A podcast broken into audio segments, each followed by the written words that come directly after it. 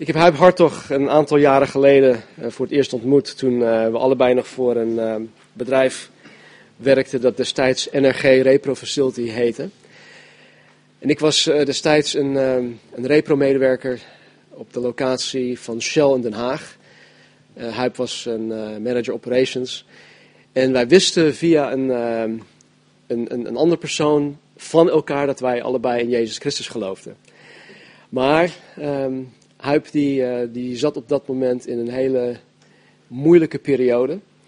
En ik denk, ik weet het nog niet, ik heb, ik, heb het nog niet gevraagd, maar ik denk dat hij eigenlijk op dat moment niet zoveel met een, uh, een, een mede-christen uh, te maken wilde hebben.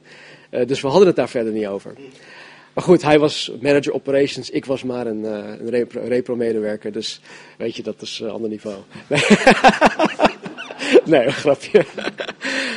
Maar goed, we hebben, door de jaren heen hebben we vaker contact gekregen met elkaar. En uh, ja, ik vind het gewoon gaaf hoe, hoe, uh, hoe ik God heb zien werken in, in hun leven, in uh, Huip en Ineke's leven. Maar ook gewoon in de vriendschap die we door de jaren heen hebben opgebouwd. En ik, ja, ik wil het jullie ook niet onthouden om, om, om, om hun verhaal te horen. Dus ik heb Huip gevraagd om vanmorgen hun verhaal met ons te delen. Dus bij deze Huip.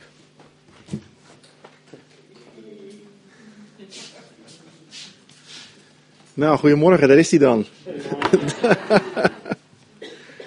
Heel bijzonder om hier te staan. Uh, ik denk dat het een jaar of tien geleden is dat ik voor de laatste keer uh, op deze manier ergens heb gestaan. Uh, dus ik mag vandaag iets vertellen over ons leven. Um, ik sta hier ook met vrezen en beven. En dat is niet vanwege enige spanning om een verhaal te doen, maar wel om onder woorden te kunnen brengen wie God voor ons is. En um, ik heb daarover gebeden en nagedacht en eh, God gezocht. Heren, ik zou zo graag um, iets van u willen laten zien. Uh, zoals u zichzelf heeft laten zien in de afgelopen jaren aan ons. En dan praat ik al vanaf de periode dat ik heel klein was. Dus daar ga ik starten. En um, in al die jaren is het net of er bepaalde Bijbelteksten terugkeren. En die hebben dan elke keer weer een bepaalde lading, een bepaalde bestemming. En de eerste Bijbeltekst die ik wil noemen is Psalm 46, vers 11. Wees stil, wees stil en weet dat ik God ben. En als je naar de grondtekst kijkt, in het Hebreeuws is God, wordt genoemd Elohim. En Elohim komen we ook wel tegen bij de schepping. Dus wees stil en weet dat ik de God van de schepping ben. En die tekst die zal je vaak terug horen in mijn verhaal. Um, ik was een jaar of tien um, toen ik op straat liep en aan het spelen was en aan de kinderen in de straat vertelde dat ik dominee wilde worden. Dat is uh, heel apart als je dat al op zo'n leeftijd roept, want de een wil vrachtwagenchauffeur worden, de ander brandweerman.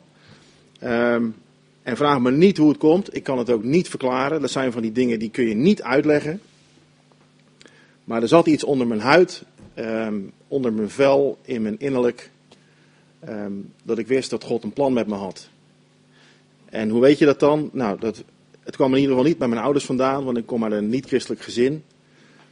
Uh, ook nog eens een probleemgezin, uh, zonder daar eh, de nodige dingen over te vertellen, maar het was best lastig toen we jong waren. Maar ik liep op straat te verkondigen aan mijn vriendjes dat ik dominee zou worden. En ik werd natuurlijk verschrikkelijk uitgelachen, maar maakte me toch niks uit.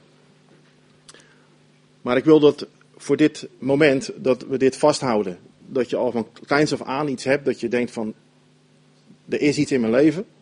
En er gaat iets gebeuren en ik weet niet wat, maar heren, kennelijk heeft u een plan. En dat besef had ik al heel jong.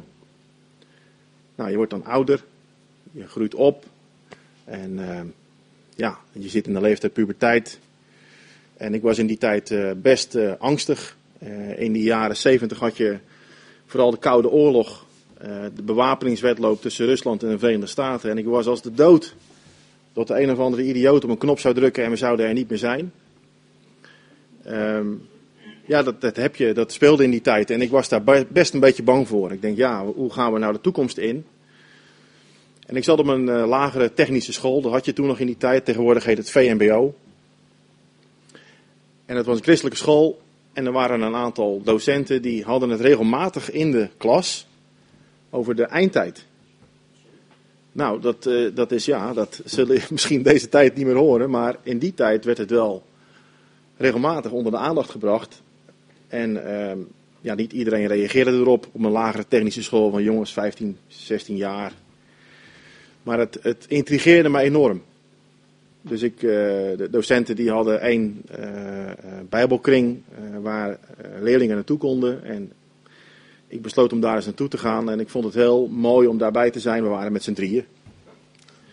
Van een school van 600, 700 leerlingen. Maar ja, dat, dat maakt niet uit. Het hield me enorm bezig. Het fascineerde me enorm. En er werden teksten gedeeld over de eindtijd. En uh, ja, ik was er zo mee bezig dat ik zelfs met de kerst dacht van nou gaat die komen. En ik heb op mijn zolderkamer uh, gezeten met het raam open, dat ik dacht van als hij dan komt, kan ik makkelijk naar buiten. echt, echt waar. Ik was er zo mee bezig. Ik denk nou, heer, als ik kijk naar de wereld om me heen, dan moet het toch zo langzamerhand wel tijd zijn. Maar ik kon het raam weer dicht doen, want hij kwam die avond niet. En uh, ja, de jaren uh, gingen verder. En ik leerde Ineke kennen kreeg verkering met Ineke en eergisteren hadden we 36 jaar verkering. En uh, nou, dat uh, een fantastisch mooie meid natuurlijk. En ja, dat, 16 jaar, wat wil je, 17 jaar. Dus, dus daar wilde ik meer van weten. Dus we kregen verkering. Maar ik kwam er al heel snel achter, ik in ieder geval, dat Ineke uit een gezin kwam. Wat best heel erg vervelend voor haar was. Ineke heeft een verschrikkelijke jeugd gehad. En ehm, ja, het was heel moeilijk in die tijd. En uh, gaande de jaren, ik bleef altijd vriendelijk tegen haar ouders. Ja, wat moet je anders? Ik ben niet zo'n uh, stoere vent die dan wel eens even laat weten wie ik ben. Dus ik, uh, we waren altijd braaf op tijd thuis. En deden wat verplicht was, met de kerstdagen komen eten. En ja, allemaal dat soort rituelen. Ja, tot het moment dat, ja, dat het niet meer ging. En ja, we niets anders konden doen dan weglopen van huis. Um, ik had gevraagd aan mijn ouders, mag Ineke bij ons komen wonen? Want het gaat niet meer thuis. Maar mijn ouders zeiden van nee, daar willen we niks mee te maken hebben. Nou, dan, um, dan ben je 18, 19. En dan sta je voor het blok. Een onhoudbare situatie, wat echt niet meer gaat. Geen oplossing voor handen. Dus dat betekent uh, weglopen. Dus we, hebben, we hadden een klein autootje en we hadden een paar handdoeken en theedoeken en een lepel en een, en een vorkenset. En uh, dat was het. Ik zeg, Ineke, ga je spullen maar halen, we gaan er vandoor. Dus dat hebben we in de auto gegooid en we zijn ergens beland. Uh, klein huisje kunnen huren, want Ineke was verkoopster bij een banketbakkerij, dus die verdiende het geld. Ik, zat, ik kwam net van school af, vierdejaars, eindejaar uh, MTS. Dus ja, daar zaten we in een leeg huis met z'n tweetjes. Uh, met niks en hoop verdriet. Um, maar ergens heb je dan weer die Bijbeltekst die dan ergens weer boven water komt. Wees stil en weet dat ik ben God. En ik, uh, ik zat daarmee en ik denk van ja. Toen kreeg ik mijn eerste baan. En mijn eerste baan was bij een bierfabriek. Ik werd uh, meterregelmonteur. En zo leidt God dingen dat hij andere christenen op je pad brengt. En er was weer een andere monteur die, die vertelde met een en ander. En die gaf mij het boek van Hal Lindsey, De planeet die aarde heette. Dat is echt een miljoenseller geweest in die tijd. Ging natuurlijk over de eindtijd. Dus het was, uh, ja, dat ging erin als koek. En, uh, maar dan heb je een moment, dan ben je van huis weggelopen. Dan heb je je geloof en de drang in je innerlijk van, uh, ik moet hier iets mee. En ik had er met Ineke nog niet over, over gesproken. Dus ik was als de dood dat als ik het haar zou vertellen dat ze bij me zou vertrekken. Want ja, uh, gelovig willen zijn in die tijd was toch wel een beetje, ja dan ben je niet van deze wereld. Uh, ik denk nou ja, ik, neem, ik gok het er maar op. Dus op een gegeven moment heb ik tegen Ineke gezegd, ik moet je wat vertellen. En als je bij me weggaat, dan begrijp ik dat. Uh, maar ik geloof in Jezus Christus. En ik geloof ook dat hij terugkomt. Dus ik vertelde haar dat hele verhaal. Nou, en gelukkig zei ze, Huip, ik ben zo blij dat je dit zegt, want ik geloof ook in God. Maar ik was bang om het jou te vertellen. Uit angst dat je bij me weg zou gaan. Dus ik was, ik was zielsgelukkig dat we dat samen konden beleven. Je bent jong, je bent van huis weggelopen, een heleboel bagage. En dat is dan je houvast. En in die tijd uh, kreeg ik van die collega weer een uh, groot nieuwsbijbel. Want ik had geen bijbel. En uh, nou goed, we wilden heel graag, althans we hadden de, het verlangen om kinderen te krijgen. En op een gegeven moment zei Ineke, ik wil heel graag een kindje of een hondje. Ik zeg, hier heb je 50 gulden, ga jij maar een hondje kopen.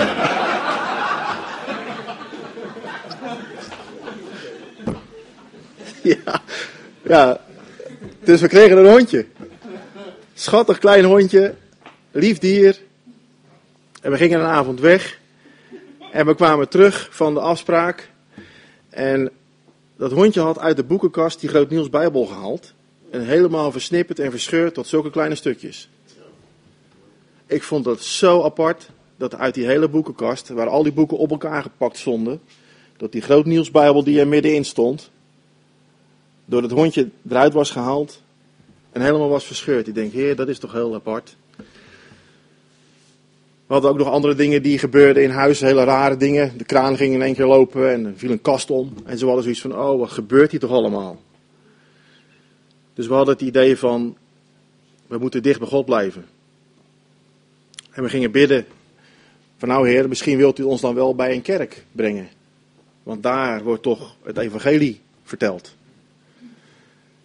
En uh, ik werkte eh, destijds ook uh, samen met een paar andere mensen op de markt. Mijn broer was uh, marktkramerzetter. En ik had al een aantal jaren na mijn schooltijd, had ik op dinsdagavond en op zaterdag had ik de marktkramen opgeruimd. En de zonen van de eigenaar waren skinheads.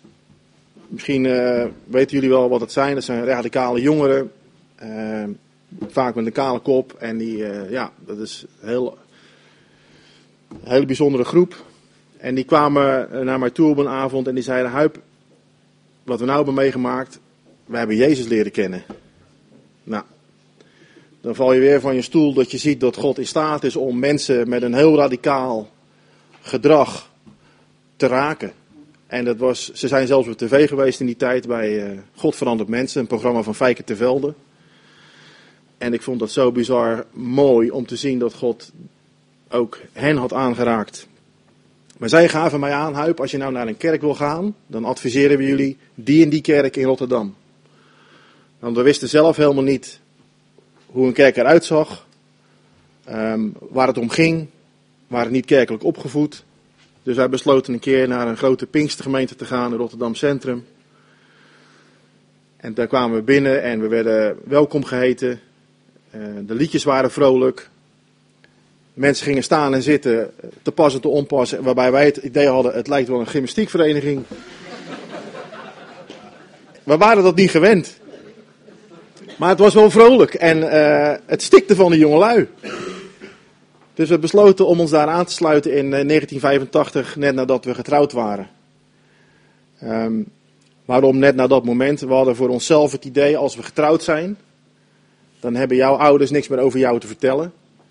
Want die waren altijd heel erg anti-christelijk en heel erg dominant. En uh, ik denk, nou, wij zijn dan volwassen, we zijn getrouwd, we maken dan zelf uit wat we doen, dus wij gaan naar een kerk. Dat heeft heel wat strijd gehad da daarna nog bij haar thuis. En uh, toen wij in die Pinkstergemeente gingen meedraaien, dan krijg je te maken met allemaal jonge lui. Uh, je hebt in één keer heel veel vrienden erbij. Je gaat ook heel veel vrienden verliezen die je had. Je gaat ook je gedrag aanpassen. In die tijd had je nog langspeelplaten. En uh, die deed ik de deur uit, want het was allemaal niet, niet goed. Althans, dat idee kregen we. Uh, dus ons, we pasten onze levensstijl aan en we werden gedoopt in 1986 door volwassen doop. Een heel bijzonder moment. En zo ging ons leven verder. Maar er kwam weer een moment dat Ineke heel graag, en ik ook natuurlijk, kinderen zouden willen ontvangen van God. En na een aantal jaren bleek dat het onmogelijk was na allerlei onderzoeken, bleek dat wij allebei onvruchtbaar waren. Onmogelijk, meneer Hartog. U kunt maar beter inschrijven voor adoptie. Dus wij liepen daarmee rond. Van nou zullen we dat dan maar doen. Maar een adoptieproces, dat duurt ook jaren. Althans in die tijd. En toen was er een heel bijzonder moment in de samenkomst. Dat de voorganger het op zijn hart had om te bidden voor de echtparen die kinderen wilden. En het was heel bijzonder. Er gingen op dat moment bij de oproep gingen er tien echtparen naar voren. Wij natuurlijk ook. En toen er voor ons was gebeden, hadden wij allebei zoiets van: er is iets gebeurd. En dat zijn dingen die kun je niet onder woorden brengen, maar je hebt het gevoel: er is iets gebeurd. En zes maanden later was Ineke zwanger van Kevin. Dus dat was, dat was zo bijzonder te weten dat er een God is die om je geeft, die, uh, waar je van kinds af aan al iets mee hebt, dat je denkt van Heer, wat gaat u doen? Allebei niet in staat om kinderen te krijgen, gewoon technisch gezien, het ging niet, onvruchtbaar en toch kinderen. En anderhalf jaar later werd Mike geboren.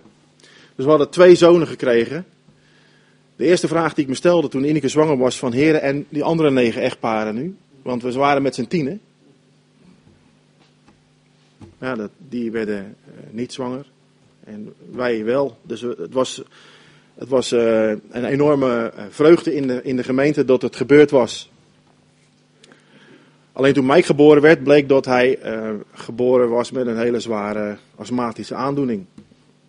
Als baby had hij al iets van vier of vijf soorten medicijnen. Dus we hadden zoiets van, heren, best moeilijk zo'n klein mannetje met allerlei uh, middelen op de been zien te houden. Het kind kon amper ademen normaal. Dus wij liepen bij een kinderarts, bij een kinderziekenhuis, uh, elke week voor het bijstellen van medicatie. Meer, minder, anders. En op een bepaald moment, uh, ik geloof dat Mike anderhalf was, wij konden hem horen piepen vanuit onze slaapkamer. Zo lag hij te snakken naar adem. Ik denk, heren, dat is een moment van uh, wat je moet zien als een moment van radeloosheid, um, angst, maar ook van, Heer, wij geloven in een almachtig God. We hebben kinderen van u gekregen. Um, dus we haalden Mike uit bed en geef hem maar. Ik, ik, heb hem op mijn borst gelegd en ik heb gebeden wat ik kon. Heer, raak dat mannetje aan. We willen op u zien in geloof. Ik wil niet naar een ambulance bellen. Wat ik misschien wel zou moeten doen. Misschien is het dwaas tot op het bot als vader zijnde. Maar heren, ik geloof in een almachtig God. En Mike viel rustig in slaap op mijn borst. Ik denk, nou, we zien het morgen wel. Mike werd uh, vrolijk wakker. Goede ademhaling. En wij moesten op controle naar de kinderarts. En hij bleef gewoon een goede ademhaling houden. En de kinderarts zei van, ik weet niet wat er gebeurd is, maar hij heeft geen astma meer. Tot op de huidige dag heeft hij helemaal nergens geen last meer van gehad. Wij konden ons verhaal vertellen tegen de kinderarts, die uh, vervolgens met hun oren stond te klapperen van dit hebben we nog nooit meegemaakt. Ze nou, wij geloven in God, u wie dat is? Wij konden ons verhaal doen. En we hadden dus een volledig genezen zoon, Mike, van astma. En we waren natuurlijk dolblij als kinderen, als kinderen van God, maar ook als, als volwassenen, als ouders, dat we konden zeggen: Kijk eens, de Heer is geweldig goed geweest. Hij heeft ons kinderen gegeven, heeft Mike genezen van, van astma. Een van de zwaarste soorten. Het kan dus, kennelijk. En ik vroeg me af, heren, hoe zit dat toch met genezing? Hoe werkt dat nou?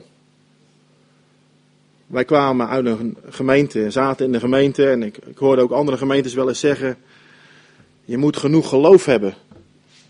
Nou, dan zat ik al tenenkrommend in de rij. Je moet genoeg, wat is dan genoeg? Um, maar daar straks meer over. Ik weet het niet, Heer, wat genoeg is. Ik weet alleen maar dat u het gedaan heeft. Dus wij waren dolblij dat het gebeurde en we draaiden mee in de gemeente. We werden groepsleider. Op een gegeven moment We gingen evangelisatiecursussen geven en die waren heel succesvol. Er kwamen heel wat mensen van buitenaf de kerk binnen, die vervolgens zich ook niet meer thuis voelden in onze kerk. Want kennelijk was er toch wel een groot verschil met hoe mensen buiten de kerk praten en hoe ze in de kerk praten. Vooral in een Pinkstergemeente, daar moet je bijna een woordenboek uh, bij gebruiken. Nee, maar eh, we hadden dat in die tijd uh, heel sterk. En dat noemen ze talenkaanans, geloof ik. Um, maar goed, dus we draaiden mee in die gemeente. En hou nog even de rode draad vast. Dat ik zei in het begin, toen ik klein was, had ik het idee, de Heer heeft een plan met mijn leven. En ik had wel allerlei banen in het bedrijfsleven gehad, waaronder die wat, wat Stan noemt. Maar ik heb altijd in mijn achterhoofd gehouden, Heer, wat wilt u? Dus um, ik draai, we draaiden trouw mee in de, in de gemeente. En trouw wil zeggen een grote gemeente, 700, 800 man. En we waren, ik denk zes avonden in de week waren we ermee bezig. Want dat was onze passie. Dat was ons leven. Ons leven was de gemeente en het leven was Jezus Christus en het leven was wonderen en tekenen hadden we graag gezien en we hebben ze ook gezien. Um, dus dat, dat zijn dingen die, die hielden ons bezig. Met name ook omdat het onder bevel zat, zit. En totdat er een moment kwam in de gemeente dat er een, een enorm schandaal boven water kwam. Er werden ordners verspreid onder de gemeente, zo dik, met stukken die waren verzameld. Um, en dat was in 1998, zelfs de kranten zijn ermee gehaald. Wat er eigenlijk aan de hand was in die kerk. En het, uh, het toenmalig leiderschap besloot uh, zo snel mogelijk te vertrekken. Dat moesten ze ook wel, anders dan uh, hadden ze een probleem met heel veel gemeenteleden. Um, en dat werd de crisis genoemd in 1998. En daar zaten wij middenin. Nou, er gebeurde natuurlijk van alles, want ja, er komt van alles boven water. Zonder te noemen wat het allemaal betreft, maar dat waren de grootste schandalen die je kunt bedenken. En de gemeente spatte uiteen, als een zeepbel. En wij gingen ontdekken en uh, ook zien later, doordat er een interim leiderschap werd aangesteld, dat wij in een secte hadden gezeten 15 jaar lang. Maar het gevaar van zo'n groep is dat je, omdat iedereen zich zo gedraagt, jij je ook zo gaat gedragen. En een secte herkent zich, is met name te herkennen door een aantal zaken, met name door, ook door dominant leiderschap, wat daar erg het geval was. Maar ook door het vervormen van bijbelteksten om een bepaalde boodschap over te brengen. Valse leer heet dat. Um, dus er waren heel wat zaken mis. En het leiderschap wat er toen was, besloot zo snel mogelijk te vertrekken. En er kwam een interimraad van drie voorgangers uit Nederland. Die vervolgens ooit op zaken moesten stellen in een gemeente van inmiddels 1300 mensen. Met drie gemeentes in Nederland. En um, ja, zij brachten een aantal zaken aan het licht. Het was ook een hele intensieve tijd. Er kwam heel veel schade uh, bij de mensen uh, boven water maar ook bij ons. En toen de interimvoorganger mij zag, toen gaf hij mij aan, hij zegt, Huip, jij hebt heel lang meegedraaid hier in de gemeente. Zou jij fulltime hier in dienst willen komen bij de gemeente? En los van de moeilijkheid en los van de problemen die er waren, had ik weer zoiets van, ja heren, als dat uw plan is, dan, dan is dit uw plan. Dan ga ik ook die weg. Dus ik, ik ging in dienst bij uh, de kerkgenootschap was dat hadden ook een boekenwinkel. Maar ik kreeg de verantwoordelijkheid over de organisatie, want een gemeente runnen van duizend mensen, allerlei taken en voorzieningen, veel vrijwilligers, allerlei panden, kinderwerkklassen, noem maar op, onderhoud, alles wat er met een organisatie samenhangt. Maar de voorganger die er toen interim was, had ook het idee dat ik zijn opvolger zou moeten worden als nieuwe voorganger van die gemeente. Dus ik voelde me enorm vereerd dat hij dat zag. En uh, ik besloot om een theologiestudie te gaan doen bij ICI University in die tijd. En ik kreeg daardoor toegang tot een aantal bibliotheken. En ik wilde heel graag dingen uitzoeken, want als ik onderdeel was geweest van een dysfunctioneel systeem, dan wilde ik weten wat er dan mis was, zodat ik dat ook aan anderen kon vertellen om het recht te kunnen zetten. Dus ik liep tegen een aantal onderzoeken aan. en onderzoeksrapporten, met name uh, gericht op degenen die onderdeel waren geweest van een dysfunctioneel systeem of een secte, wat daar de gevolgen van waren en wat dan de manier was voor herstel. Al snel bleek dat in die rapporten naar voren kwam dat de tijd dat je onderdeel bent geweest van een systeem, je hoogstwaarschijnlijk ook nodig zult hebben om los te komen van dat systeem in een hersteltijd. En wij waren 16 jaar lang onderdeel geweest van dat systeem. Dus ik dacht van, oh, zou dat waar zijn? Zou dat werkelijk zo lang moeten duren? Maar goed, de tijd ging verder en ik, ik, ik had zoiets van, nou ja, als het die tijd nodig heeft, dan zien we wel. En de interim voorganger deed zijn uiterste best. En ik mocht regelmatig spreken op zondag en ik had af en toe uh, bijbelstudies en we deden natuurlijk pastoraat en alles wat ermee samenhangt. Maar waar ik moeite mee had, is dat er een aantal gemeenteleden waren die weer moeite met mij hadden, want ik was toch ook onderdeel geweest van het oude systeem. Dus alles wat ik zei werd per definitie al uh, ondersteboven geschopt, want ja, wat ben jij nou beter dan datgene wat net vertrokken is? Dus als ik een keer gesproken had wat ik met heel mijn hart en ziel deed en alle overtuiging die ik kon vinden, dan kwamen er weer een aantal brieven waarin werd gezegd dat ik valse leer verspreidde en dat het niet klopte. En ik kon, daar, ik kon dat niet handelen. Dat, dat fikte mij bij mijn enkels af. En op een gegeven moment had ik zoiets van, ik kan dit niet meer dragen. Ik kan het niet meer. Ik kan het echt niet meer. En we hebben daar, ik kwam wel eens bij Ineke thuis en dan was er weer iets gebeurd. En dan zei ik tegen Ineke, als het, als het morgen net zo erg is als vandaag, of als het nog erger wordt, dan stop ik er echt mee, want dit is niet meer te handelen. Nou, uiteindelijk heb ik besloten om ermee te stoppen. Ik heb dat medegedeeld in een avond en er werd begrip getoond. De interim voorganger zei van, misschien is het maar beter dat jullie weggaan. Herstel maar, maar niet hier. En um, daar zit je dan, met je droom van kinds af aan, met je streven en je passie en je drive om zoveel mogelijk van God te zien. Tientallen boeken gekocht en gelezen over opwekkingen, over genezingen, over bijzondere dingen die God deed. In die tijd had je ook nog een videoband en daar staat nog op YouTube over Kali wat er gebeurde. Dat God in een heel gebied eh, mensen door aanraking of weet ik veel hoe veranderde. En ik, ik, was daar zo ontzettend, vol van. Maar ik kon het niet meer handelen. Ik, ik had er echt, ik, ik kon het niet meer. Ik heb gezegd, ik, ik stop ermee. En uh, heren, zoek maar iemand anders. Ik, mij niet meer. Dus ik kreeg weer een baan in het bedrijfsleven in 2002, 2003 in die periode. En we besloten ons aan te sluiten bij een kleine kerk in Papendrecht. Ik had de voorganger leren kennen. Aardige man, aardige vrouw, aardige kinderen, kleine kerk. Ik denk kleine club, rustig aan, wij daar naartoe. Maar wat je hebt opgelopen in zo'n periode in zo'n grote kerk, is dat je denkt van, als je dingen hoort, heb je een bepaalde allergie opgebouwd. Dat je denkt van, wat die zegt klopt niks van. Of waar die mee komt, wat is dat voor een grote onzin. Dat, is, ja, dat heb je meegemaakt. En dat maakt je zo alert, sterker nog zo super kritisch, dat je de eerste, de beste die iets roept, dat je meteen zegt, ja, daar klopt helemaal niks van. Dus op een gegeven moment hadden we een samenkomst dat de dominee of de voorganger. Uh, ik, ik, had een toespraak en uh, hij interrupeerde dat. Hij vond dat nodig in ieder geval. En uh, ik sprak hem na de samenkomst aan. Ik zeg: Waarom heb je dat nou gedaan? Hij zei: Nou, ik vond dat ik dat moest doen. Hij zei: Als het je niet bevalt, kun je maar beter gaan. Ik zei: Nou, dat is goed. We hebben onze spullen gepakt en we zijn vertrokken en nooit meer teruggegaan.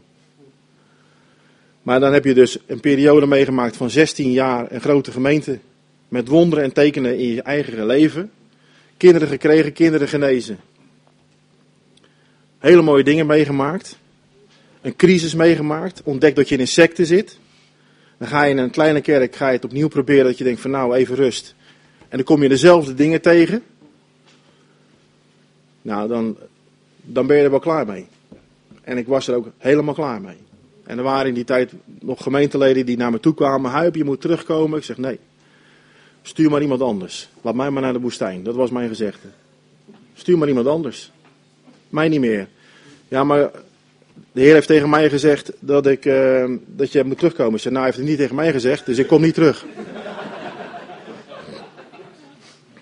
Ook een belangrijke les. Als God niet tegen jou heeft gezegd en een ander wel, dat is toch wel typisch. Nou, daar reken je dan ook meteen mee af. Maar we waren het helemaal zat. En in 2003 kreeg ik een burn-out. En ik dacht dat ik, dat ik echt zou gaan sterven. Het was midden in de nacht. Maakte Ineke wakker, zeg Ineke, ik ga het niet meer halen. Ik, zat, ik was kapot, helemaal kapot. Ik zeg, nou, bel maar een dokter. Die stelt dan allerlei vragen door de telefoon. Sport u, rookt u, drinkt u? Nee, nou, twee paracetamol en morgenochtend mag je naar de huisarts. En ik zat te beven en te shaken in mijn stoel. Dus ik ben ook wel de volgende dag naar de arts gegaan. Heeft me doorverwezen naar een psycholoog. En uh, nou, in ieder geval, het, het bleek gewoon dat die afgelopen jaren veel te zwaar waren geweest voor ons. Veel te veel. Um, dus ja, ik heb aan mezelf moeten werken. Ik werd de natuur ingestuurd. Dat is ook mooi. Maar Jezus zegt dat ook in de Bijbel. Kijk eens naar de leliën van het veld. Vogeltjes. In alle stress heb ik geleerd om buiten te gaan zitten en stil te zijn. Wees stil en weet, ik ben uw God. Dus dat heb ik in die fase enorm geleerd. Maar ik was wel enorm bang ook in die periode. Ik was verschrikkelijk bang. Ik was zelfs zo bang dat ik niet kon bidden. Ik kreeg geen zin uit mijn mond. Ik heb mensen moeten bellen die ik nog kende. En gevraagd weer voor me bidden. Ik hou de horen wel vast. Ik was helemaal stuk. Dus die periode hebben we gezegd, in 2005 zeg Ineke, waarvoor gaan we hier niet weg uit Rotterdam? Weg uit alles. We hebben zoveel meegemaakt, we willen een nieuwe start maken. Dus we besloten in 2006 om iets anders te gaan zoeken. Dus we, we, keken naar een goede, gezonde omgeving. Voor de kinderen met name, want dat stond altijd bovenaan. De kinderen eerst. En zo zijn we in Renen beland. Of all places. Mooi, klein, Mensen zijn aardig. Ze stoppen voor het zebrapad als je over wilt steken. Ze zeggen netjes goeiedag in een winkel. Geweldige omgeving, rust. Dus ja, daar kwamen we bij. Alleen, ik raakte daarna, kort daarna, wel mijn baan kwijt. Ik had een hele goede baan. En het was in 2008, 2009 dat door reorganisatie ik boventallig werd verklaard. Mooi modewoord. En uh, daar zat ik dus uh, thuis. En ik zat een aantal maanden thuis. En dan kom je ineens in een isolement terecht. Want je collega's hoor je niet meer. Want dat was normaal je wereld. In kerk zit je niet meer in. Dus dan is je wereld in één keer zo klein geworden. Jij, je vrouw en je kids. Dus ik raakte mijn baan kwijt en ik, uh, ik heb heel wat tranen gehuild. Want mijn inkomen daalde met meer dan de helft. Dus ja, dat betekent allerlei aanpassingen doen. Voor zover dat kan. Dus je, je komt echt op de bodem weer te zitten. Eigenlijk vergelijkbaar met toen we wegliepen van huis. Helemaal op de bodem. En achteraf gezien zeg ik, ik had het voor geen goud willen missen. Dat is een van de beste periodes geweest in mijn leven. Maar als je daarin zit, is het heel moeilijk. En ik moet heel eerlijk zijn dat God voor mij nog nooit zo ver is geweest in die periode, ver af, als toen. Terwijl ik weet, ik heb kinderen van u gekregen, heeft Mike genezen. En toch laat je dat achter en zeg je, Heer, ik snap er helemaal niks meer van. Ik heb het verknald, ik ben weggelopen uit een bediening. Dus het is eigen schuld. Ik heb het zelf veroorzaakt. Dus een groot schuldgevoel. Je voelt je als volwassen man dan heel klein. Onvermogend om iets te kunnen doen voor je kinderen, voor je vrouw. Ineke die ging werken, althans die had al werk, maar die uh, kreeg in die periode een hersenbloeding. Dus die raakte uh, arbeidsongeschikt. Was ook meteen de baan kwijt. Dus dan zit je dan thuis en dan denk je, nou, Kan het nog erger? Ja, het kan nog erger, want onze oudste zoon had een krantenwijk om wat geld bij te verdienen en die werd door een auto geschept. Dus we hadden bijna elke week, dagelijks, tegenslagen te verwerken. Dat ik het echt niet meer snapte. Dat ik zei van, heer, hoe kan dit nou? Dat ik zoveel tegenslag meemaak. Waarom moeten we door zo'n moeilijke periode heen? Waarvoor, waarvoor zit de duivel mij zo uh, op mijn hielen? Ik ben toch helemaal niet meer een bedreiging voor hem, want ik ben helemaal niet meer kerkelijk actief. Zo redeneer je dan. Ik doe toch helemaal, uh, ik doe toch niks? Maar er gebeurde wel van alles. Dus dat was een hele moeilijke tijd. We hebben nog wel eens een enkele keer geprobeerd om bij een kerk een aansluiting te vinden, maar ja, dan komt de allergie weer boven water. Dan kom je ergens en dan denk je, oh my god. Weer kopieergedrag. Weer valse leer. Waar haal je dat nou weer vandaan? Nou, dat is, ja, dat is heel vervelend. Maar voor mij had de kerk gewoon volledig afgedaan. Onbetrouwbare mensen, manipulerende mensen, bijbels onderwijs waar geen hout van klopte, uh, gericht op geld.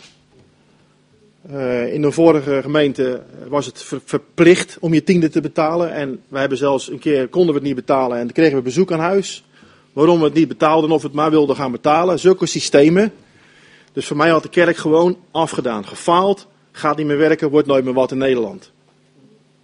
Ik had van alles onderzocht. Willow Creek, vrij evangelisch, traditioneel. Traditionele kerk, uh, dominee gesproken, die besloot om toch maar meer yin en yang aan zijn preek toe te voegen, zodat er meer mensen zouden komen, want er moest een bijzondere preek zijn. Ik snapte er echt helemaal niks meer van. Dus in zo'n fase zit je dan thuis. Kreeg gelukkig wel weer een baan. Tijdelijk. Vanaf 2010 alleen maar tijdelijke banen. Dat is niet erg. Maar ik was blij dat ik weer een redelijk inkomen kon voorzien. Dus dit was wel weer een stap vooruit. En ik ging weer op YouTube filmpjes kijken over de eindtijd.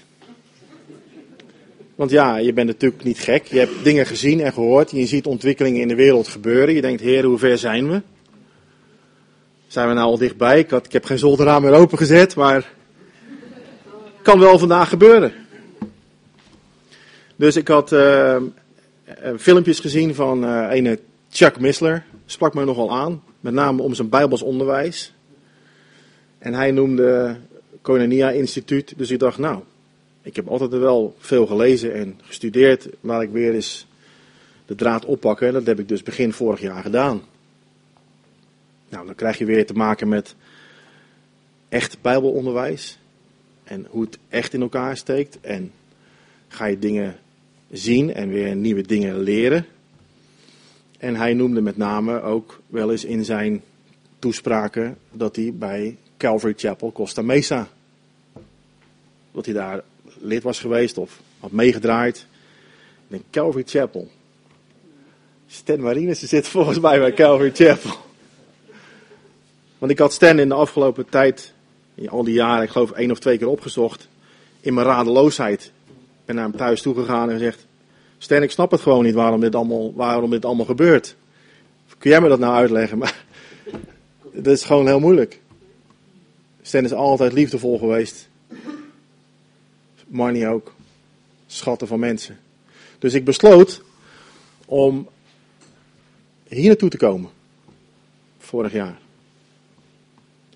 En voor mij was dit de plaats van de bron van nieuw leven.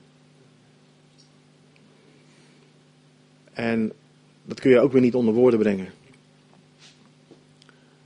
Ik had ook niet verwacht dat ik na al die jaren nog normale mensen zou tegenkomen. Heel eerlijk. Hier ontmoette ik oprechte mensen. Ik hoefde geen stropdas om. What you see is what you get. Iedereen lief. Geweldige worship. Bijbels onderwijs. Geen last van allergie. Anders had je me niet meer gezien, denk ik. En ik vond het zo fantastisch hier. Dat kan ik niet onder woorden brengen. En ik kwam thuis bij Ineke en ik zei: Ineke, dit moet je meemaken. Er bestaan nog normale kerken. in Nederland. Terwijl ik het helemaal had opgegeven. Dus ik ben vaker gekomen en vaker gekomen. En ja, ik ben er nog steeds. En ik ben er ook super blij mee. Maar je ziet het hele verhaal van, nou ja, je hebt een, eh, een gevoel van vroeger, van als kind zijnde van Heer, u heeft een plan. Je denkt dat het ingevuld wordt in een gemeente. Je bent daar zelfs tot het niveau gekomen dat je voorganger mag zijn. Dan haak je af. Ja, kans verknald. In het bedrijfsleven weer actief. Weer een kerk gevonden waar ik het naar mijn zin heb. Totdat ik eh, begin van dit jaar, begin van dit jaar ja, naar een film zat te kijken en, uh, over Amerikaans voetbal. En ik had het moment, het idee dat God tot me sprak. Ik geef je een tweede kans. En ik had zoiets van, een, een tweede kans? Tweede kans, oké. Daar heb ik natuurlijk de hele nacht over liggen woelen. Heren, wat wilt u nu? Want alles komt weer boven water. En de dag erna zat ik in de auto na een afspraak en belde Stan op. En toen zei Stan, heb je zin om mee te gaan naar de Pastors Conference in Siegen? Dus ik had zoiets van, u bent snel. nog een dag later. Ik denk, tuurlijk ga ik mee naar Siegen.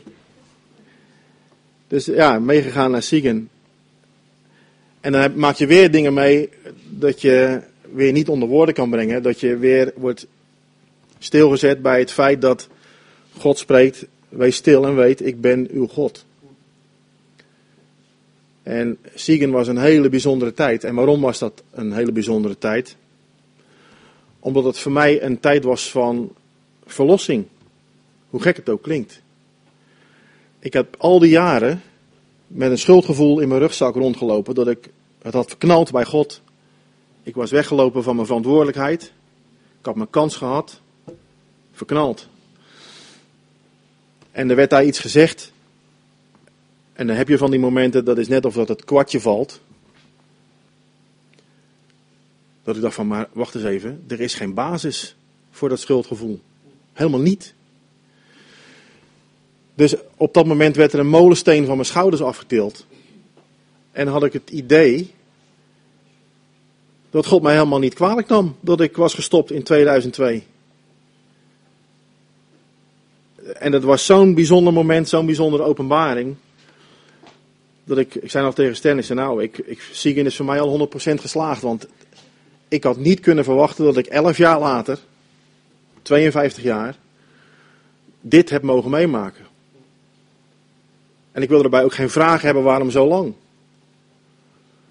Ik ben alleen maar super blij dat het gebeurd is. Dus ik dacht ook van nou, het was halverwege de week, ik denk nou heren, super, mijn week kan niet meer stuk, maar hij was nog niet klaar. Want een dag later hadden we een gebedsmoment. Het was zo'n bijzonder moment en um, ook dat kan ik niet onder woorden brengen. Maar er is een Bijbeltekst en um, even kijken waar die staat. Dag in Jezaja die de Heeren verwachten, putten nieuwe krachten. Zij varen op met vleugels als arenden. Als ze wandelen worden ze niet moe en als ze lopen worden ze niet mat. En dat heb ik op dat moment als realiteit ervaren. Ik heb nog nooit zoveel energie gehad na die avond, terwijl we doodmoe waren op een van de laatste avonden. De meeste van ons waren, misschien wel allemaal, verfrist en vernieuwd en eindeloze energiebatterijen gekregen. Maar ik heb me nog nooit zo goed gevoeld na die avond. En ik heb zoveel energie gehad dat voor mij die Bijbeltekst 100% realiteit werd. Wie de Heeren verwachten putten nieuwe krachten. Ze varen op met vleugels als arenden. Als ze wandelen worden ze niet moe. En als ze lopen worden ze niet mat. Ik heb daar dagen daarna nog energie gehad. Ik dacht van waar, waar komt het vandaan? Het kwam van God. Zo, in het Engels zeggen ze empowered. Zo vol. Nou, fantastisch. Ja, en dan kom ik bij de toekomst. Want dat kun je niet invullen. Ga ik ook niet invullen. Ga ik niet inkleuren, dat laat ik aan de Heer over. En ik heb gedacht, ook weer kijkend naar waar vroeger mijn passie vandaan kwam. Ik heb het liefst dat heel Nederland kiest voor Jezus Christus, laat ik heel eerlijk zijn. En ik geloof ook dat God een plan heeft met Nieuw-Vennep. Daar ben ik 100% van overtuigd. Ik weet het. Er gaan hier dingen in de komende tijd plaatsvinden. Ik weet en ik spreek het uit in geloof en in vertrouwen dat God een plan heeft. Met zijn gemeente. Met jullie, want dat is zijn gemeente. Met een ieder van ons. En ik vind het een hele bijzondere tijd om mee te mogen maken. En ik zou het liefst, en dat weet Sten ook, en daar spreken we elkaar regelmatig over elke week. We bidden samen. Het liefst zien dat in elke woonwijk een Calvary Chapel kwam. En, um, het, en het zit niet in een formule. Laat ik daar heel eerlijk in zijn. Het zit in de aanwezigheid van God. En ik heb hier aanbidding gezien, meegemaakt, vandaag ook weer. En er is Bijbels onderwijs. En ik zie de werking van God in ons leven. Ik zie het in mijn leven. God is in staat geweest om mij te herstellen. Al is het misschien een lange tijd geweest. Maar op zijn tijd is het goed. Mij te vernieuwen. En misschien zou er wel eens een Calvary Chapel Renen kunnen komen. Ik zou het heel graag, en Ineke ook, willen. Maar ik ga het niet in eigen kracht doen. Niet, never, nooit niet. Want ik weet dat de Heer moet dit werken.